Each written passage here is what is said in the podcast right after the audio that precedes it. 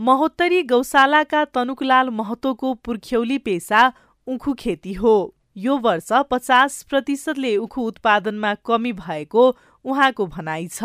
दस सालको भन्दा यसपालि उखुको उब्जनी पचास पर्सेन्ट ह्रास गयो अनि मिलले पनि लागत छ त्यो अनुसार मूल्य निर्धारण गर्दैन। त्यही भएर किसानले उखु खेती छोड्ने क्रममा भइसकेका छ। हरेक वर्ष तीनदेखि चार बिगहा क्षेत्रफलमा उखु खेती गर्दै आउनु भएका नवलपरासीका गोपाल यादवले पनि यस वर्ष कम मात्रै क्षेत्रफलमा उखु खेती गर्नुभयो।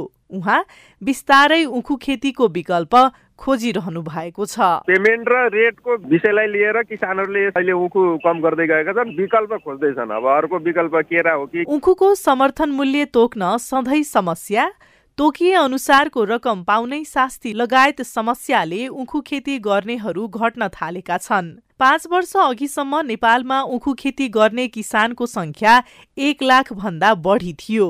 नेपाल उखु उत्पादन संघका अनुसार यो संख्या अहिले घटेर पचास हजार भन्दा कम भएको छ।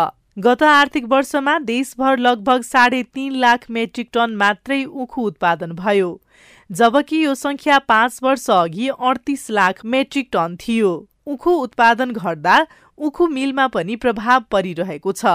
सर्लाहीका उखु किसान हरिश्याम राय। ऊख के खेती पहले से पैसा के दिक्कत के चलते छोड़िए रहा है आई ऊख सूखे यही के चलते औरो किसान सब छोड़ रहा है ऊख के खेती। छिहत्तरे साल से कहे हम सब कि ऊख के खेती कम हो रहा है नेपालले अहिले वर्षेनी पन्ध्र अर्ब रुपैयाँ भन्दा बढी मूल्यको चिनी विदेशबाट आयात गरिरहेको छ। उखुको उत्पादन घट्दा चिनीको आयात दोब्बरले बढिरहेको छ। चिनीमा आत्मनिर्भर बन्ने सरकारको लक्ष्य र उखु किसानको दुःख आपसमा किन मेल खाइरहेको छैन?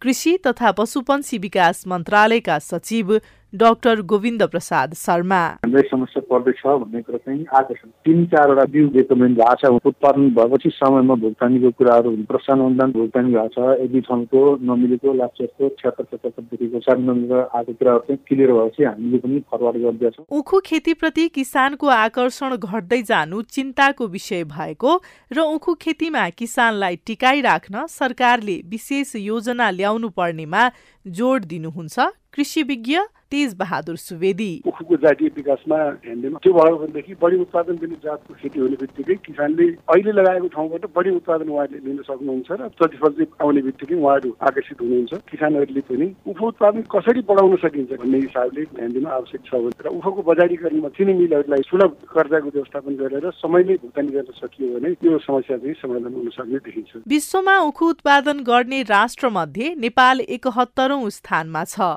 तर सरकारको व्यवस्था उखु मिलले समयमा नै भुक्तानी नदिने जस्ता कारण उखु किसानले खेतीको विकल्प खोज्दैछन् जसले गर्दा चिनीमा आत्मनिर्भर बन्ने सरकारको लक्ष्य पनि टाढिँदै गएको छ। स्नेहा कर्ण सिआइएन काठमाडौँ।